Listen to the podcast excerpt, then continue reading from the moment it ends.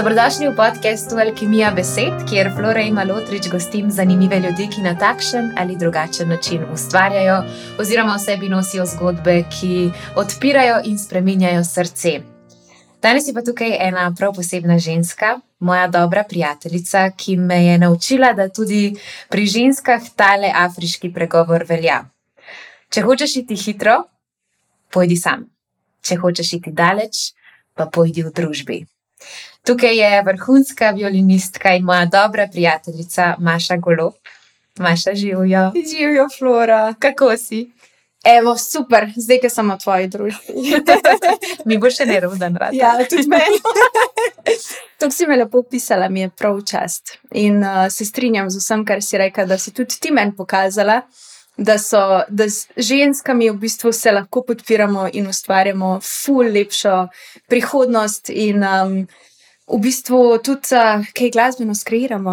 Tako, mi da smo ja. se tako spoznali, da je najprej povedati malo za začetek poslušalcem, kako sta se najni poti križali. Ja, res je. A bi škrti povedal? Bom, no, evo. Uh, imeli smo dogodek na Ljubljanskem gradu, kjer smo v bistvu nastopili jaz, ti pa še Eva Pavli, ena tudi super pevka. Mm, in mi smo se takoj zaštekali, mi dve še posebej. In uh, potem smo dobili še en skupni nastop v Stožicah na uh, finalu Evropskega prvenstva v rokometu za ženske. In takrat smo mogli mi tri skupaj skreirati eno čist hudo točko. Mm -hmm. Ki nam je tudi potem super uspela, in skozi vse ta proces smo se mi dve res dobro spoznali, šli čez svojenih stvari skupaj.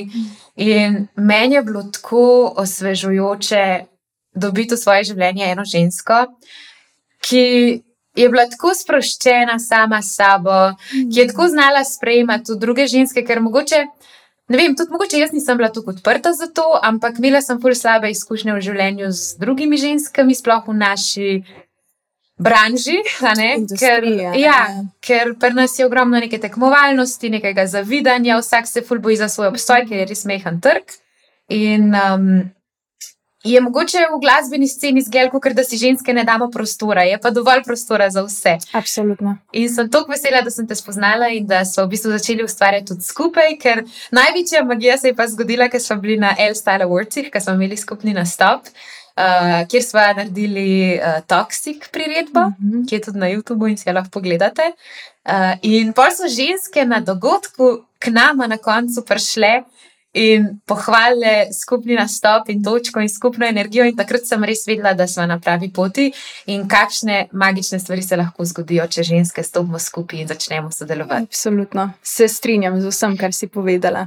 In res je, uh, v bistvu, mogoče, če se malo dotaknemo tega, mm. da je. Um, praktično zelo mali glasben trg tu mm -hmm. in da ne moramo zameriti tudi, uh, vsem, ker se vsak bori in dela za svoje najboljše. Itak, itak, tudi jaz. Mi je pa pol uh, v bistvu Berlin zelo velik dal, ko sem se pač po koncu študija preselila v Berlin za dve leti in tam magisterij delala. In uh, sem videla, da če je ničken večje mesto, se ljudje med seboj podpirajo in so veseli, ko pride nekdo, ki je full, ne vem, mogoče muzikalen v mojem primeru in te spodbujajo. In to je meni toliko enih pozitivnih občutkov v življenju prenes, preneslo, toliko ene mirnosti, veš. Mm -hmm. In se mi je zdelo, da tudi ko pridem nazaj v Slovenijo, si želim naprej tako delovati, ker je. Ja. dejstvo, da je prostor za vse. Za vse. Ja. Res. In v bistvu, tako kot smo si pomagali z nastopi, druga, drugi, nekako ja. rihtele koncerte, so se stvari kar odpirale. Ja, Samo še več vsega je nastajalo ne vem, res smo skupaj močnejše in to si ženske moramo nekako usidrati v srce in si priznati in se povezovati in se družiti in ustvarjati skupaj, ker se mi zdi, da to klepe stvari nastanejo, če res se ženske povežemo. A veš, da sem še nekje zasledila, da je prav leto 2023 namenjeno temu, da se še ženske še bolj energetsko povežemo in se podpiramo. Tako da če bi se v pravem trenutku spoznali. Ker bo z menim to bilo, bilo je namenjeno. Ja, ja, uh, no, pa predelo sem malo dotaknjen Berlina, glede na to, da ja. si um, že začela. Uh mhm. -huh. Ti si študirala v Berlinu in uh, tudi jaz, ko sem tebe spoznala, si bila tako neverjetna, ker se ti skozi krajine taki čudeži dogajajo. Ti si vse manifestiraš in pa se to, kar zgodi, se še jaz začela verjeti. Hvala, no zdaj pa pa res nerodno.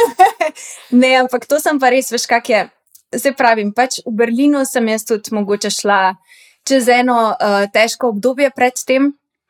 Uh, od izgube strica um, do v bistvu po petih letih sem se takrat utrašila s svojim tedanjim fantom. Uh, zelo veliko enih takih um, prelomnic se mi je zgodilo in se mi zdi, da ta Berlin je meni tudi omogočil, da sem se res, res uh, učila živeti v trenutku. Mm -hmm. da, se nisem, da se nisem ozirala na to, kar je bilo, da sem mogoče preteklost res skušala dojemati kot uh, nekaj, iz česar se učim in zaradi tega postajam boljša. In nisem se preveč osredotočila tudi na prihodnost, v smislu, ok, seveda si postavljaš neke cilje, ampak res sem skušala pač pristno doživljati vsak trenutek, ker dejansko na koncu dneva je to edino, kar imamo ta Itek. trenutek.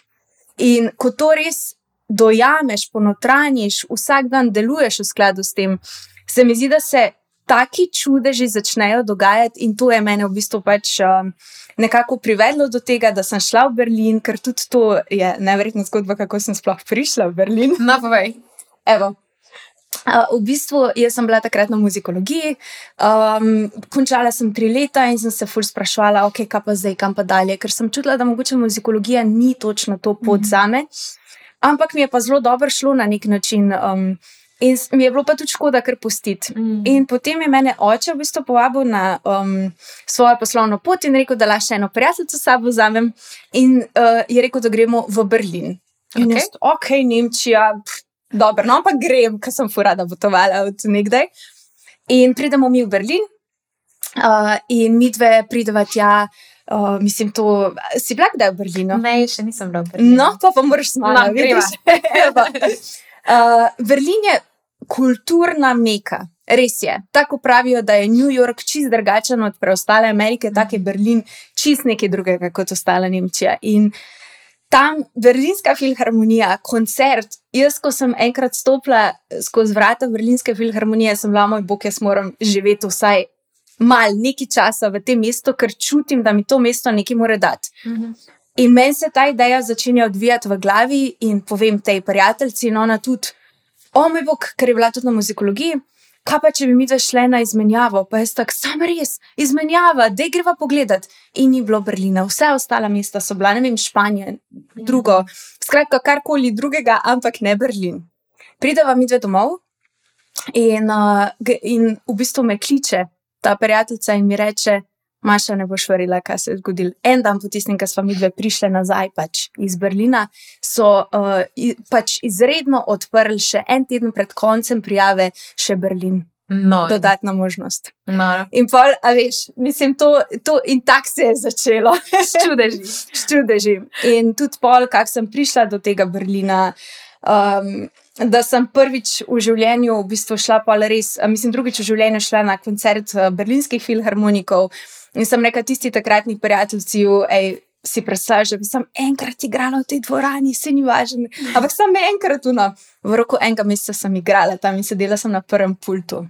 Pač Aj, kako je pa do tega prišlo? Ja, spet, spet totalni čudež. Ker jaz sem res že parkrat moram priznati, da predtem sem jaz mal se rašla z violino, ker me je. Nisem bila sprejeta na akademijo na, za glasbo, potem so se vse te okoliščine v mojem osebnem življenju dogajale, da nekako nisem prišla prav do trenutka, kjer bi jaz um, lahko samo, ne vem, uh, dokončala to svojo pot z violino in sem rekla, ok, mogoče mi je življenje sporoča, da to spustim. Mhm. In ko sem pa enkrat res. Začela vse te zadeve, od tega, da šla sem, jo, tudi to, kako sem sploh pri, kak je prišla do tega, čez predolga zgodba. Dajmo na kratko, mogoče, da sem jaz takrat pol, uh, dejansko bila na izmenjavi prvo leto In so rekli, ok, sigurno imajo kak orkester na tej naši Humboldt univerzi v, v Berlinu. In uh, reče ena punca, ki je bila takrat z mano, ena Lija iz Rusije. Uh, veš kaj, mislim, da sem nekje videla celo neke plakate, peva pogledati, ampak bi šla ti najprej z mano, dežnik sem pozabila v sosednji uh, zgradbi, uh mhm. -huh. pa pa lahko poiščeva tvoj orkester. Pa jaz tako, ok, super, in greva mi dve po ta dežnik. In pred tisto stavbo pač ljudje, ki so prihajali na vaje orkestra. In jaz si tako zgovorna, kot sem. jaz grem do prvega violista, ki ga vidim in ga kar zagrabim. In no, prosti, jaz ne govorim nemško, ampak govoriš angliško. Kaj imate to za ene vaje? Jaz sem tule na novo in bi ful rada začela spet v enem orkestru ustvarjati. In je rekel, da imam neverjetno srečo, ker je pojutrišnjem zadnji rok za um, audicije za orkester. Ja. In jaz grem domov, neham hoditi na faks, za en teden ne povedati. in vadim kot nora v tistem študentskem domu. Na srečo sem imela svojo sobo in zelo prijazne sosede, ki so mi čokoladice nosili, ker sem to lepo igrala. Uh, in je bilo zelo um, namenjeno. No? In pa sem prišla v ta orkester, ne samo, da sem prišla v ta orkester, že tam so me ful spodbujali. Sem bila najprej na drugem pultu, pa na prvem pultu s koncertnim mojstrom. Um, res čudeži. In pol tam me je ena slišala, ki me je povabila v tretji orkester, ki je pa igral v Berlinski filharmoniji. Brez akademije. Brez akademije. Maro. Ja, kaj imaš nek poseben žar na odru, to je sem to takoj opazila, ko smo začeli sodelovati. Hvala. Tako da ja, ja. pa pogum. pa pogum, pa se mi zdi, da tudi veš. Um, dejstvo je, da res, če slediš temu, kar misliš, da je tvoja pot. Jaz, jaz mislim, da vsak čuti, kaj je njegovo življenjsko mhm. poslanstvo. Violina je bila vedno od petega leta, sem jaz. To je bila prva stvar, ki sem jo rekla mojim staršem, da jo hočem igrati. In zadnja, in nikoli se ne bi premislila. Kdaj se je to zgodilo? Pri petih letih. Že. Ja. Jaz sem rekla mamici, da ko bom velika, bom učiteljica violine. No, to ja. se tudi zdaj. v bistvu, ja. No, evo, tudi otroške sanje se izpolnijo. Ja, čeprav so vmes te sanje mogoče malo uh, ponikane, zdaj, ko sem začela učiti, sem ugotovila, da me to fulo srečuje.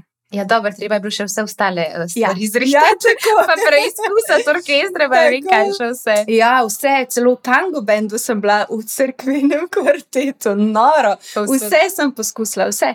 No, se je prav, da ja. si pa nekako našla neko svojo pot. Tako, to se je pol v bistvu začelo na ta način, da ko sem enkrat v vseh teh orkestrih bila v bendih različnih, um, razno raznih sestavih, no, um, sem ugotovila, da v bistvu sem si zmeri želela solistične poti uh mhm. -huh. in to sem. Pač na eni točki v življenju ni tako ugotovila, da v klasiki mi to ne bo uspelo, ker bi mogla ja. biti, ne vem, pri 14. prvi CD izdati. In s tem mm -hmm. dejstvom sem se mogla sprijazniti. Ampak ko enkrat sem se, se je pa začelo tudi vse odvijati, se mi zdi v to smer, da sem prišla do tega, kar me pa zdaj res osrečuje. No? In to je električna violina in uh, malo bolj.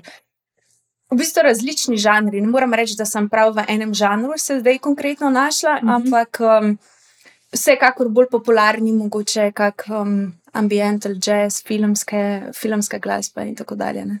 Sej, tu smo se tudi našli. Ja, tu smo se mi dve našli, tako da smo naredili eno tako uh, malce drugačno, bondovsko, filmsko priredbo. Ja. Tako da to je bila tudi ena ful dobra izkušnja. Mm -hmm. Tudi tukaj smo si spet dokazali, kako je lepo, da ženske stopimo skupaj, ker smo ja. imeli tudi Jašo Barbo, ki je video delala. Ona je vrhunska. To je bila ne? pa tudi zanimiva zgodba iz tega snemanja, ja. to moramo povedati. Povej, povej. Uh, mi tako čist les mi ne to jameva Jašo, ker v bistvu mi dve se spoznava res hiter in takoj nama klikari začnejo delati, jaz takoj razmišljam, hm, jaz bi nekaj naredila s tem toksikom, zaradi tega, ker mi je bil komand že vedno všeč, ampak hotela sem ga v eni drugi luči narediti, kot je recimo originalni. Jaz sem videla to mal, mal bolj uh, umirjeno, klavirsko, tako filmsko priredbo. In enkrat uh, na vaji sediva z Jakobom, s uh, pianistom. In jaz, njemu, jaz bi to tako, pa mu pač dam nekaj navodila, in on začne igrati, in v bistvu nastane pol ta aranžma. Uh, in takrat spoznam tebe v istem času yeah. Ja. in vprašam. Tako, Maša, hm, Maša, bi lahko izjavila, to bi bilo ful dobro. In te vprašam, Maša, bi bila zraven, ti si bila takoj za. Res in se to tako poklop v roku dneh, in v roku dni, Evo, zdaj sem to kruto, da bi še vse eno, da bi se naučila. Vse ok. Skratka, v roku parih dni se vse poklop, mi dve dobiva še en dodaten nastop kjer so že rekli, če bi ta toksik v bistvu zaigrali. Tako. In mi dve zaigrava ta toksik, že tam je bil fulej podziv. Pol pride L-Style Awards in mi dve pojeva tam in igrava toksik, in pride ogromno enih žensk, da to morate narediti, to mora biti sodelovanje. In je to tako, ja, pa pa da je zdaj, zdaj posneta. Ej, ampak to si ti, ti si človek od akcije in sem ti tako neizmerno hvaležna, ker jaz sem ne vem, v enem obdobju, veš, ko sem imela ta zagon v Berlinu, takrat sem jaz res letela. In ko sem prišla v Slovenijo, ampak je dejstvo, da tudi mene je malo korona mogoče ustavila, mi malo porezala krila na nek način, sem mogla pač spoznati spet neke življenjske lekcije, za katere sem fulh hvaležna, ker sem danes čist drugačna oseba, kot bi bila, če ne bi mhm. se vse to zgodilo. Ampak uh, sem prav, prav namenjena si mi bila, ker si mi spet pokazala to, kaj vse je možno in koliko smo v kratkem času Vse naredili. vse naredili. Ampak res, prav skreirali to točko ja. in tudi um, mogoče je važno, mislim, važno, no, ampak bi bilo zanimivo povedati, da sem jaz v dveh dneh to svojo linijo. To je dobra zgodba. Jaz sem ti rekla, Maša, mi dve moramo iti to ne čez ne vem. Toliko časa nastopata. Ja, ne? mislim, da štiri dni. Štiri dni smo Ja, imeli. in jaz, jaz linija sploh še ni bila narejena. Jaz sem Ne. bila narejen uh, vokal, Tako. pa narejen je bil klavir. In jaz, Maša, da je nekaj nared na to. In ona je pošiljala. Ti si pošiljala. Voice message. Voice message o polnoči, Flora je to dober, Flora je to dober. In jaz prvič slišim te posnetke in sem tako, o moj bog, kako je to dobro. Noro, ampak To je filmsko. Ej, a vidiš, kako zanimivo. Jaz sem bila pa tak, joj ne vem, joj ne, joj, o moj bog pokvarila in bom to dobro priredbo, zakaj je zdaj meni to rekla. Mene si čisto s posle stiska. vrgla. Noro. Jaz, tako, jaz sem že skoraj spala in pol vidim Maša golob in tako WhatsApp, fulenih voice messageov, pa skokaj, kaj se dogaja. ne. In. Pa Poslušam in jaz tako vstanem iz posle in sam nazaj. Ja, ja, tako, še do konca. Sam, sam, imaš, imaš in čist mal. In v enem dnevu, v tistem večeru, se je naredila cela točka, in potem smo šli za vikend nastopati. Pol pa v bistvu je video tako le prišel tja, še smo rekli, Ja. kdaj imaš prvi termin, še nekaj je predstavlja za naj, da smo ga še en mesec prej posneli. Tako. Um, in potem smo imeli snemanje. In na snemanju uh, mi ugotovimo, da nas je v bistvu kar mal, glede na to, kaj smo si mi Tako. zadali. In meni slučajno primoš en, ki ga nisem poznala, ampak mi je sedel na Instagramu, napiše, če lahko pride malo fotkat. Sem rekla, ja, seveda lahko priješ, a ne. Super. In on je na koncu nam pač toliko stvari rešil, Res kaj je en angelček je Ja. prišel in res moraš zaupati. Uh, Pravim ljudem, dobrim ljudem in Jaz mislim, da- nečemu, kar te žene noter. Ker pa kar prihajajo ljudje, ker Primož je kar prišel in pa kar držal luči, ne vem, kaj vse je delal. Jaz pa ne vem, kako bi mi zmogli brez njega, nekoga bi mogli klicati. Ja, Ampak sigurno, sigurno. Ne, veš, kak je, ko si ti na pravi poti, to jaz res verjamem, se celo vesolje upre v to, da ti ja. Ja. pomaga, da, da, da, se, da se stvari um, postavijo na pravo mesto. Jaz ker- to šele zdaj verjamem, res. Res. To se je meni uh, tisočkrat zgodilo od tega, da sem bila najbolj brok v Berlinu. To moraš tudi povedati. No, to je res zgodba. In eh, dejansko je prišel, pač jaz sem tam pol za denar uh, babysitala, da sem pač, da sem lažje preživela. Um, sicer starši so mi še plačevali sobo, tako da ni bilo, da bi ostala na, um, ne, Mhm. na ulici. Ampak je pa dejstvo, da pač. Um, Malo je hrana poš, pač pošla, pa nisem vedela, kaj bom čist naredila, ne? ker sem imela nula evrov v denarnici. Ampak jaz takrat v tem svojem norem obdobju zaupala v to, da se vse zgodi pač z namenom in da bo vse ok, in naredila ene te svoje tehnike, si zmanifestirala. Um, da, da to zdaj pač jaz moram sam spustiti, in se vprašala, okay, kaj lahko naredim, da pozabim na to, nima veze, zdaj pač uh, mesečno karto imam, za spat imam, uh, hrana, bom že neki, vse imam dve cimri, bože, ja, veš. Uh, zdaj pa kako si lahko izdvignem vibracijo in se reče, ajde grem teč v ta moj najljubši park tam.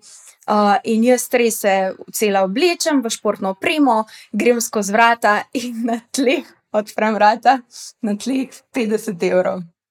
Da bi, ne vem, skozi padlo. In je tako moja prva misel, joj, kdo je zdaj to zgubil, gledam okol in tako da bom vrnila ta denar in mi kapne Maša, pač Maša, noben ga ni, to, je, to se ti je tule zdaj pojavilo. In tako pridem pol izteka nazaj, me kliče um, ena od teh mamic, da je zbolela, če bi lahko prišla babysitati že Pa danes. še Pa sem še dosti zaslužila. Tako da bilo, res je bilo zanimivo. No? V enih takih situacijah, tudi eh, tam sem že parkrat hotela nehati igrati, in vsakič, ko sem, ko sem si rekla, evo, tole je zadnji projekt, to je meni čist preveč stresno igrati v tem orkestru. Uh, pa v drugem, pa v ta tretjem, to, to res, očitno ne zmorem takega stresa. Že parkrat je prišel tudi med tem, ko se je vse to dogajalo, da sem si rekla, le pač, v redu je, moram to spustiti. In v tistem trenutku, recimo, prav za to berlinsko filharmonijo, se obrne ta ženska, jaz prisežem, to je bilo v trenutku, ko sem jaz to razmišljala. In mi reče, um, Maša, kam hija? Kao, pridem, usedem se zraven mene, pa jaz tak, ne, ne, ne, ne morem jaz biti na prvem pultu in še celo imela svoje solo. Sem rekla, ok, življenje, razumem, razumem, sprejmem, ostajam na poti violinski. Tako da zelo, zelo zanimivo. Res se mi zdi, da ko, ko, ko si na pravi poti, ti bo življenje pokazalo in ti bo da, dajalo znake, je pa res, da moraš znati videti. Ja, sploh Veš? verjeti, da je to mogoče. To da se vse korak. dogaja v tvoje dobro. Ja. Ker to je bilo meni vedno, jaz sem zelo stvaren človek, drugač mislim, sem tudi malo spiritualna, pa vse, ampak jaz pač moram imeti stvari poštimane, ker sem vse en kozorog. In ko pri meni stvari štimajo, ti si me spoznala, jaz sem duer, jaz si naredim Tako. plan in potem grem in dosežem in to je moja tehnika. In pač. Ljudje pa pridejo, pa ti pomagajo, in ti, če si preveč sfokusiran samo na svoj nek cilj, oziroma na to, kaj vse moraš ti narediti, niti ne sprejmeš pomoči. In jaz sem imela ful težavo, recimo, sprejeti pomoč. A ne tako, ali od zunaj, ali od prijatelja, ali od kogarkoli, ne, ne, se jaz bom to vse sama. Bom to sama, pa se, pa se še to naučim, pa se še unaučim, pa se še tretj naučim, na koncu pa zdržim v posli, pa se ne morem premakniti, pa sem tako, zakaj sem si spet vse to nakopljala. A veš, in to je. In to zdaj je, sem spustila, zdaj sem se naučila dejansko, ker sem tebe, pa pač še par ljudi spoznala v zadnjem času, da je tako, v redu je. Ja. Ja. Bo kdo drug tudi kaj nam je s tebe naredil. Veš kaj je, se mi zdi, da si prav, ko te opazujem, tudi kot prijateljica. Uh, da si, si končno pustila, pač, uh, da ti nekdo pomaga. Ja. A veš, ker prej si bila tudi ujeta v tem, mogoče, um, joj, vedno moram vse sama, joj, ni pomoči. Ja. In ko si ti to mantraš, vsak dan znova si ti ustvarjaš tako situacijo. ja, sej si jo, res si jo. Res, in, in, in tukaj se je treba res pač. Tisoč stvari je bilo okoli moči misli, in tisoč stvari, ki mogoče niso čist. Vse je treba delati. Ni zdaj, da, Absolutno. da, da si doma pa Absolutno. meditiraš, vse je mogoče, vse mi je dano, ne delati. Ne, in, to, in to zelo veliko ljudi ne Ja, razume, ker ja. ja. pač ni poanta. in So, so ene cake, bom jaz temu rekla, tudi pri tem manifestiranju. In recimo ena od najpomembnejših stvari, ko, ti, ko jo res moraš sam odkriti, in o njej govorijo mogoče samo eni redki avtori, je to, da ti spustiš to željo. Mm. da ti prideš v to, želim, ampak ne rabim, ker Točno kaj ti to. želiš? Ti ne želiš, da se tebi manifestira.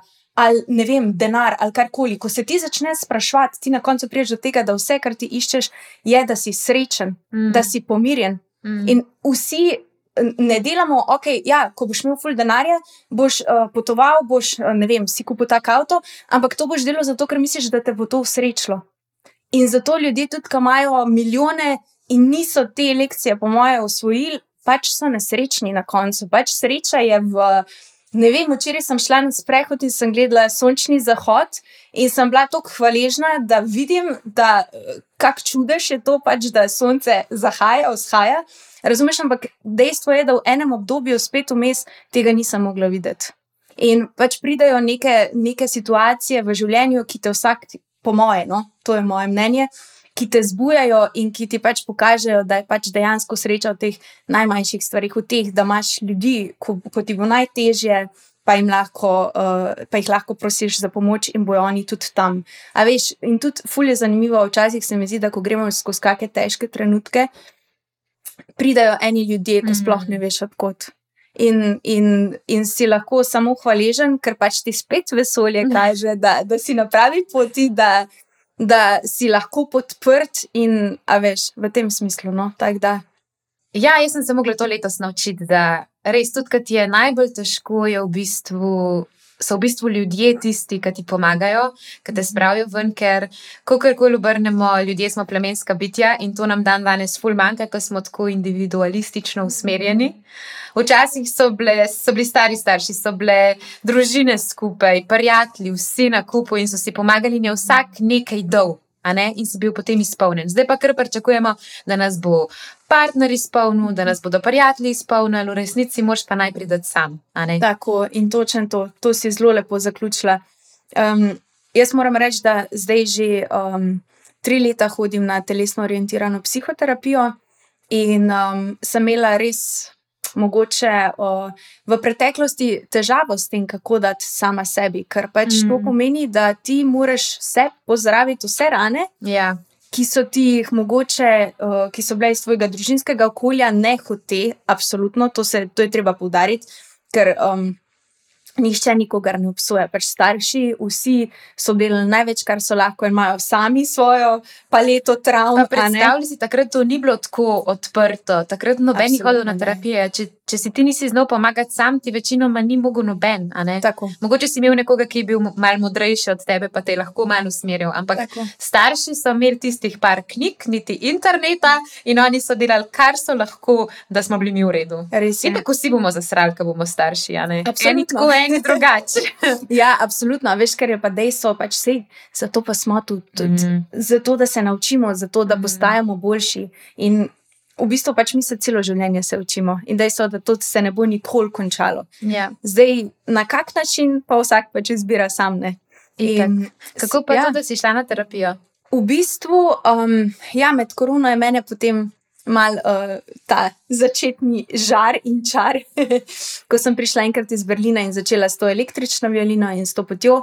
Um, me je mal, mogoče mi je mal minil, logično, ker sem jaz dejansko par let živela samo in izključno od dogodkov. Mm. In sem čez noč ostala ne samo brez tega, kar rada počnem, ampak uh, brez uh, financ. In pač res sem bila um, prepuščena mal sama sebi. In takrat sem jaz um, začela čutiti te občutke, ki mi niso bili znani, ker dejstvo je, da jaz itak delam na sebi že od um, ne vem.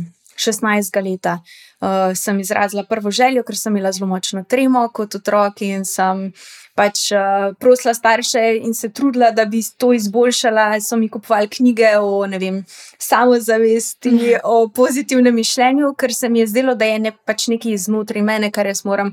Popraviti, da ne bom imela take treme pred vsakim nastopom, ker to je bilo res časih zelo neudržno. Ne? Mm. In skozi leta sem pač tako vedno bolj delala na sebi, potem je bil ta Berlin, kot so že omenili. In um, nekako se mi je zdelo, ok, zdaj pa res me ne more nič več doleteti. Ampak pa me je pa ta eksistencialna kriza kar fejst uh, doletela.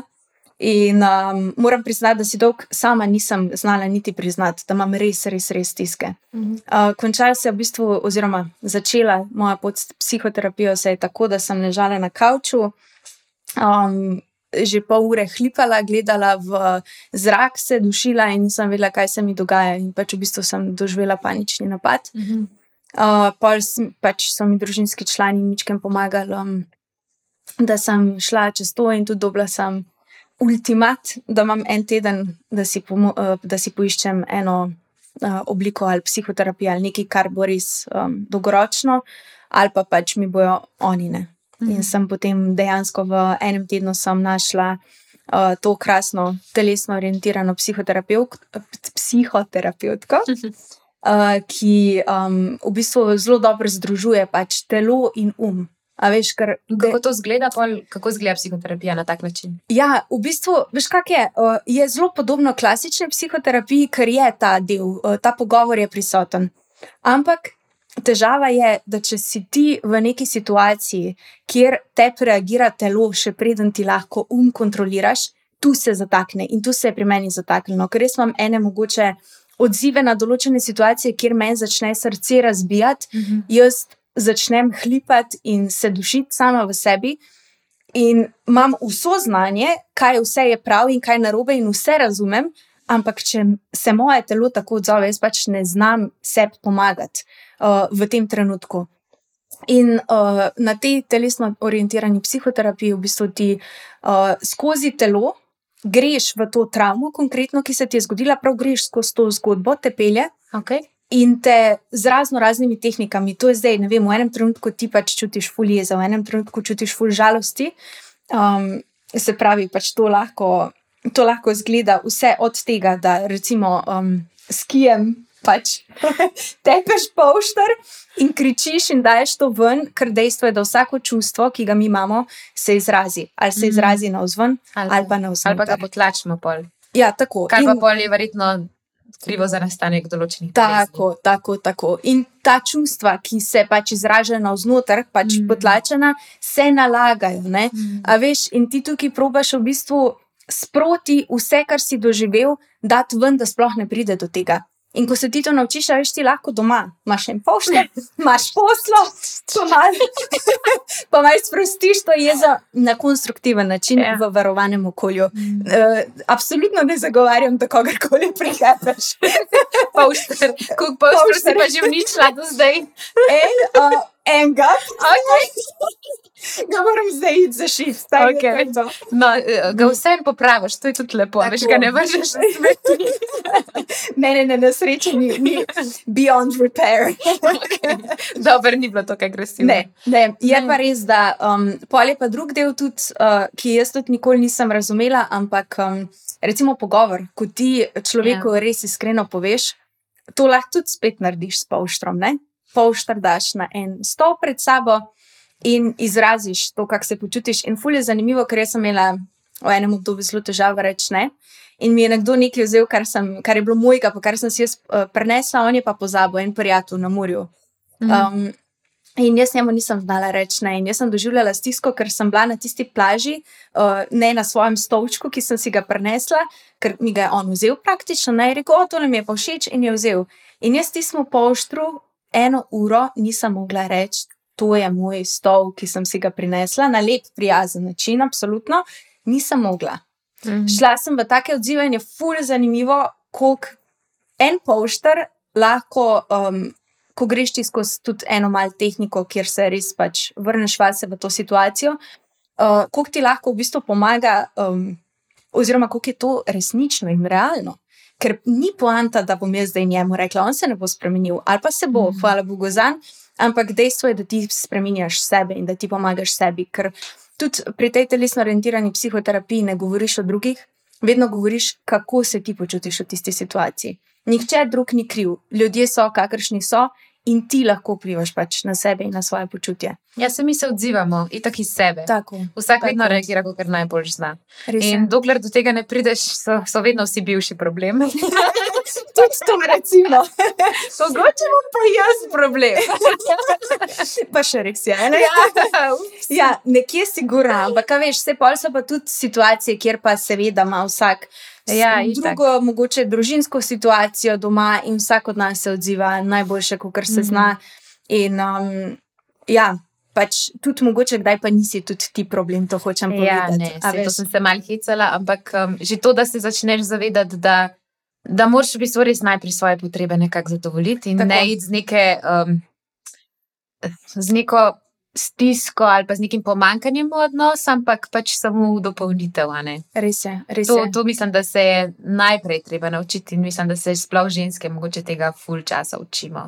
Ja, mislim, težko je, ne sploh, če um, veš, najdete ta odrasel jaz v sebi. Ja. Ker si sam otrok, najlažje je biti Ja, žrtev. ja. Ja. Si tako, jaz sem tako boga. Veš, tudi tu je recimo zanimivo, ker tudi to uh, delam jaz na tej obliki uh, Mhm. terapije, da pač praktično prepoznavam, kdaj zapadam v svojega notranjega otroka.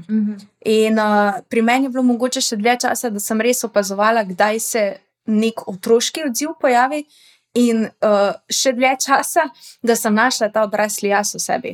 To mašo, ki je postavljena, ki stoji na obeh nogah, in to definitivno, recimo, um, stoji na obeh nogah, trdno na tleh, to hočem povedati, ki je uzemljena, ki je prisotna, ki je v Mhm. miru, ki ve, kaj je prav, ampak uh, dejansko mi se ne moremo, pač mi gremo skozi vrsto nekih mogoče travm uh, v življenju. Ali pa že v obdobju otroštva pač imajo naši starši določene vzorce, ki jih ti nosiš s sabo. In če oni, takrat, ko si bil ti mlajši, niso znali zadovoljiti tvojih potreb pravilno, da bi pač ti se počutil varno in um, mirno, ko si imel kakršne koli, ne vem, trenutke ali pa izpade ali pa um, trenutke šibkosti, sem želela reči. Um, potem pač enostavno to moraš ti v odraslem življenju poiskati sam pri sebi. In to je proces. Ja, itak. In to je proces, in to, da ti dejansko. In največja težava, ali pa mogoče najboljša rešitev je ta, um, najboljša prosti novica je ta, da um, to edino v odraslosti, pač edini človek, ki te lahko pozdravi, si sam. Če bo zdaj mami tep dala to, kar ti je mogoče v otroštvu zmanjkalo, tep ne bo nič več pomenilo, ker v tem trenutku je prepozno, to si Ja. moraš ti samo pri sebi. In to je kar težka, pa hkrati dobra novica. Ja, mislim, jaz se tudi v zadnjih časih s temi stvarmi ukvarjam. Um, ker sem mogoče šele zdaj dojela določene stvari, tako aha, momente. Me je pa najbolj pomagala meditacija, pa vsem. Absolutno. Tako, Absolutno. To, kar sem pa zdaj enih videl, dobila sama vase v tem letu, skoraj je že leto, no, odkar sem šla na tečaj transcendentalne meditacije. In je bilo res tako. Um, nikoli si nisem mislila, da bom kdaj v življenju meditirala, ker sem hiperaktivc. In sem si mislila, kaj tam bo tam sedela, pa kaj, kaj se bo zgodilo. Uh, to meni ne bo nič pomagalo, jaz ne morem biti primir, meni misli skozi švigajo. In jaz sem bila prepričana do lani, da jaz absolutno ne bom zmogla meditirati, da je to kar neki. Pol pa gre. Ja, ve, jaz sem imela ful smešno, zgo- mislim, smešno, zanimivo zgodbo s tem, ker sem bila tudi um, po enem razhodu, ki me je ful prizadel. In sem se dobila na pijači z enim prijateljem, ki ga nisem videla že par let. Mhm. Že par let, res. Včasih smo skupaj žurali in tako, mislim, žurali. Jaz nisem prekaj dož žurala v življenju, ampak na ne parih žurkah smo bili skupaj, ker smo imeli isto družbo. In on je bil takrat tudi ful tako žurerski, odprt, vedno samo dobre stvari, samo zabava in naštazga kaj globljega, tudi naj en odnos je bil čisto površinski. Pa pa slučajno je bil polje vmes šel delati v tujino, pa je prišel nazaj, pa mi je napisal, eh, če sem kaj doma, če sem v Ljubljani, sem rekla, ja, kje si ti, nisem te slišala že sto let. In uh, sva šla na čaj in on mene vidi in je tako. O, Flora, kaj pa je s tabo? a ne?" Jaz sem bila pa čist slaba, tako čist sem bila utrujena, ker sem se itak, jaz sem itak. Um, Imam tako obrambni mehanizem, da začnem ful delati, kadar mi je težko, tako da se ful vržem v delo, ker to je najlažje pol pozabiti. Vse skupaj pa delajmo vse, da noč ni. Razumljivo. Ja, no, v glavnem to mi najbolj pomaga, to mi je delo, mi je tako terapija, zato ker imam res srečo, da delam v življenju stvari, ki so mi všeč. Uh, in jaz sem takrat pač delala 24-7, 7 dni v tednu skozi. In tako sem bila utrujena, nisem se sploh soočala s tem, kar se mi je dogajalo, skozi sem bila v enih čustvih, nisem znala sploh ven stopiti iz sebe, nisem znala problema pogledati do zunaj, ampak sem bila skozi noter, pa to je pa um, pa tret. In pa sem se z njim dobila in sem mu kar povedala, čeprav se nisem videla že pol časa in on je bil tako. Oj, Florica, jaz ti bom dal samo številko, pa povedal mu bom, da prideš, prosim, pejs. In jaz sem bila tako, pa kakšna meditacija, pa kaj je s tabo. Ampak jaz sem njega videla, da je bil čist drugačen, da je nekaj spremenjenega na njem. Jaz sem rekla, kaj ti delaš? In je bil tako, meditiram. In sem rekla, da je nekaj, da je ne prbija. Ne?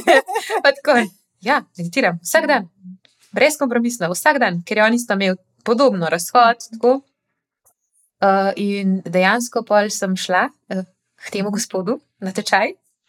In uh, najprej sem bila tako, kaj zdaj delam, kaj se to dogaja, ne vem kaj. Ampak je zelo tako znanstveno razložil, zakaj je to dobro, kaj to naredi v tvoji glavi, kaj naredi podzavesti, kako ti v bistvu dostopaš do enih globih stvari, kako jih pucaš, kako ti tudi boljš povezave, kreativne pol delajo. In jaz vidim sama pri sebi, ne samo, da sem si podzavest zrihtala v smislu čustev, pa da znam čist drugače gledati na situacijo, mm -hmm. da se znam postaviti izven sebe Bravo. da ne zaupam več toliko samo svojim čustvom. Mhm. Um, in dejansko sem, ne vem, si zavezovala čevlje in zavezujem čevlje in tako, a ja, jaz to zato tako delam.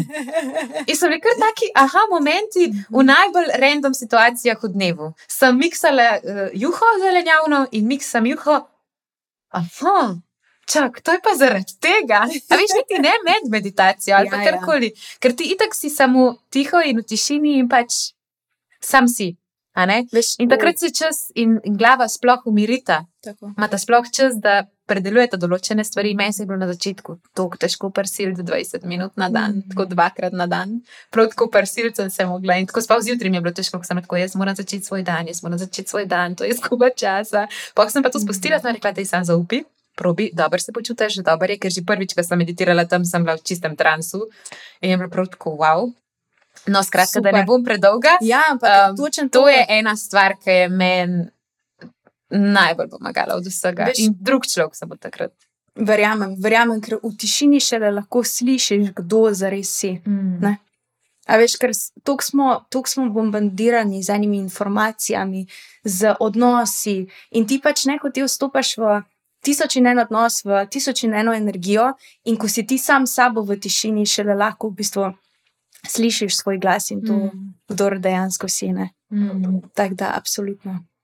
Res. Jo, zdaj so tako kršni, malo bolj te uh, težje teme, ampak tudi to je v redu. Ja, pa se mi zdi, da je tako leto, da se ljudje prebujajo, da, da to več ni taka tabu tema. Ne, absolutno. Mm, in se mi zdi, da je ja, da, da dobro, da smo tudi mi dve povedali. Veš, mm. ker tudi jaz bi mogoče še nekaj rekla, kar velikrat vidim. Pač na socialnih omrežjih nas spremljajo um, punce, no, pa tudi fantje, pač, ampak vse, vse starosti. Mm.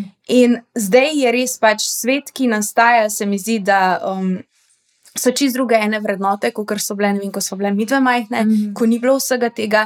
In ti vidiš tudi pač iskreno. Jaz dajem na svoj Instagram svoje najbolj bleščeče trenutke. Ja, se vsi. Ko sem jaz ležala uh, na kavču in hlipala in se dušila sama v sebi, uh, a misliš, da sem se takrat slikala? Jaz nisem pomislila eno leto na socialna mreža. Mm. Ampak hočem, da ljudje vejo to, da res ozavestijo, da pač ja. ti daješ svoje top trenutke tja. Mm. Ampak to ne pomeni, vsi smo ljudje. Ja, pač gremo čez sebe, probamo iti iz cone obdobja, se učimo, delamo.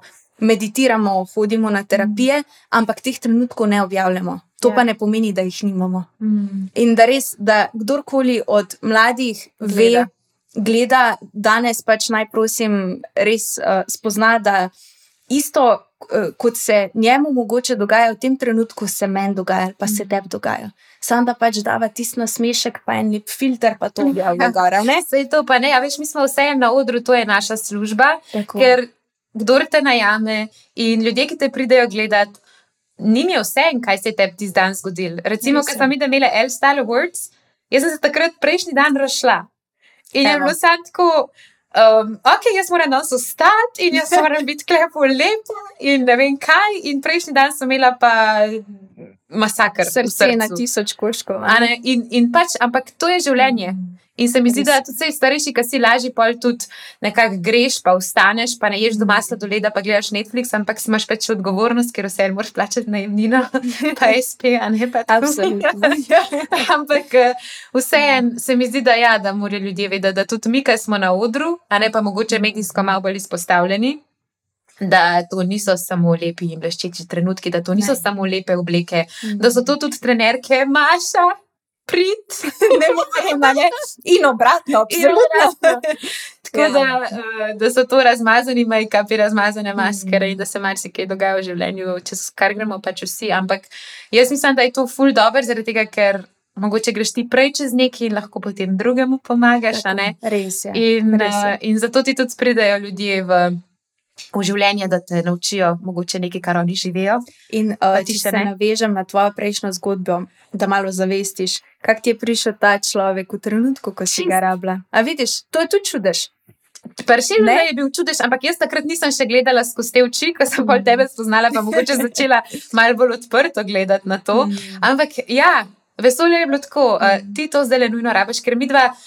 Tem prijateljem se slišiva sem pa tja prek Instagrama, na par let se spomneva drug na drugega, kaj pač on v tujini, pa zdaj svojo punco, pa potuje, pa tako, čistko, na par let, ampak takrat, ko se rabva. Zdaj, zadnjič sem jaz njemu nekaj pomagala, ker mi je čisto no, stisko. In sem rekla, jaz ti bom večno hvaležna za to meditacijo, da si me takrat tja usmeril. In pač, če boš kadarkoli kaj rabo, jaz ti pač zrihtam. In, in, ni lepo, ko imamo pa ja, take odnose. Res. Ampak moram pa tudi povedati, da. Mm, Neki ženske delamo ful na robe, se mi zdi, da mlajše, ki smo, nismo vse take, ampak veliko nas pa je. Mm -hmm. Da damo ful teže na en odnos, mm -hmm. na recimo še posebej partnerski. To sem jaz delala celo svoje življenje. Da misliš, da mora iti partner s tabo uh, na eno predstavo, da mora iti s tabo v gledališče, mm -hmm. da mora iti s tabo na izlet, da mora iti s tabo tja, da mora s tabo delati to, da mora s tabo igrati tenis, da mora vse delati s tabo. Ti imaš lahko ful ljudi v življenju in en dela s tabo to, en dela s tabo tisto, en dela s tabo nekaj tretjega. Absolutno. In res delaš to s tistimi, ki si tudi oni to želijo početi. Ne? Mm -hmm. In ne silaš nekoga delati stvari, ki njemu niso. Zdaj, res je, res je. Jaz sem to ful časa rabila in šele zdaj vidim, ker sem mm -hmm. si mhm. razširila tako tudi krok ljudi, ki jim zaupam, ker pač vse en rabam čas, da spustim nekoga blizu. Ampak. Um, Zdaj, ko gledam, kako ti lahko da, dajo ene sreče, prijatelji, pa tako različne družbe, različna, različni pogledi. Jaz nikoli Absolutno. ne bi tako gledala na manifestacijo, na čudeže, na ne vem kaj, vse, če ne bi tebe spoznala. Ej, hvala. Ok, ajde, to-do list in gremo. Ampak, vidiš, to si pa ti meni dala. Ja. Neko strukturo, ki je pa meni včasih manjkala. Veš. Vse zato sem pa jaz tudi izbrala, recimo, na mesto meditacije, Mhm. sem izbrala telesno orientirano psihoterapijo, ker jaz te meditativne stvari so mi bile hitro jasne. Mhm. Ampak ta struktura, to, kar Mhm. imaš pa ti, imam eno to naravno, ja. kvaliteto, to, je pa, to si pa ti. Veš, in v življenju ni nič na ključe. Jaz, jaz verjamem, da res v življenju ni Ja. na ključi, ker ti ljudje pridejo točno takrat, ko jih rabiš. In še zadnjič, ko smo imeli en težek pogovor v kavarni, pa so bili tako, kako bi bilo dobro, da bi se zdaj tle tole spraznili, da lahko tako mirno govoriva, ker nam je šlo na živce, pa je bil en tle preblizu, pa tam čez pet minut so vsi šli. Res je. Res je. A boš zdaj povedala, zakaj? Kaj sem imela takrat pri sebi? Uh, ja, lahko bi se tudi podarila za rojsten dan. Ampak povedala tako eno malo, malo skrivnost manifestacije. No, dejva, dejva. no, dej. A A ti? A jaz moram to No, povedati. dej, dej. Maša je meni dala za rojstni dan en kristal, Mhm. ki se mu reče. Lapis lazuli. Ja. No, in sem povedala najprej zgodbo tega kristala za, No, daj. za rojstni dan. Jaz nikoli nisem verjela v te kristale, bom čisto iskrena. In zdaj se šele malo bolj odpiram tudi tem uh, spiritualnim svetu. ne. In imaš na meni, da kristal in je rekla Flora, zdaj moraš tako le si ga malo ne ogreti in tako malo dati neko namero in tako. Mhm. In potem ga moraš dati uh, med prsti. Na levo stran. Na, na levo Ne, stran. v bistvu ga lahko daš v žep, levi žep. Se pravi, um, važno je, da je na levi strani, lahko Ja. je v levem žepu, ampak ženska imamo pa tudi modrc. ne? Ja. Tako da je v bistvu verjetno, da vam pade. Tako, sploh če nosiš obleke. Ne? Ja. Tako. In sem ti pa rekla, da, da dej to pač nekam na levo stran. Ti sem trenutku si bila v obleki, tako da si si dala na levo stran modrca. v No, bistvu, in ne? uh, pet minut zatem potrka na takar in reče, da sem dobila dostavljen en šopek. en tak ful lep šopek. In jaz sem bila sam tako, ok, Maša, uh, jaz bom cel življenje nosila ta šopek. Tako da ga bom tudi danes. Jaz tudi. Evo, Skratka, ti zvečer se je toliko enih čudežev zgodil, da sem jaz rekla, uh, vesolje, jaz sem ready. A ne? Ampak vidiš, ampak bila si pripravljena. Ampak bila sem videti. pripravljena videti. Ja. Ja. Ja. nisem bila pripravljena. Ja. In po mojem, nekdo, ki ni pripravljen to videti, kako bo tole danes gledal, pa sem tako. Oh, to se pa čarovnice in gremo preklopno. Veš kaj? Po moje, da lej, eni imajo kristal, drugi imajo tisoč in ena tehnika. Je, Ja. ampak zelo veliko je pa tudi pri tem, da si ti na taki vibraciji in da ti verjameš pač v neke stvari, mm. in malo je tudi placebo, absolutno. Itak. Čeprav za ta konkreten kristal je pa meni povedala um, v obdobju res pomankanja, finančnega pomankanja, uh, moja dobra prijateljica Tjaša Dorelaj. Uh, in um, v bistvu mi je tudi kupila kristal in reka, zdaj ga pa da je v levi žep. Pa da te vidimo, kaj boš manifestirala, in sem res kar eno vsoto denarja čez noč. Tako da absolutno deluje. Noro. Čudeži se dogajajo ja. vedno in povsod. Tako. Kaj si pa nisi mislila eno leto nazaj, tako čez, da se bo vse zgodilo do zdaj? Uf. Uh, ful enih v bistvu koncertov, Mhm. tujina.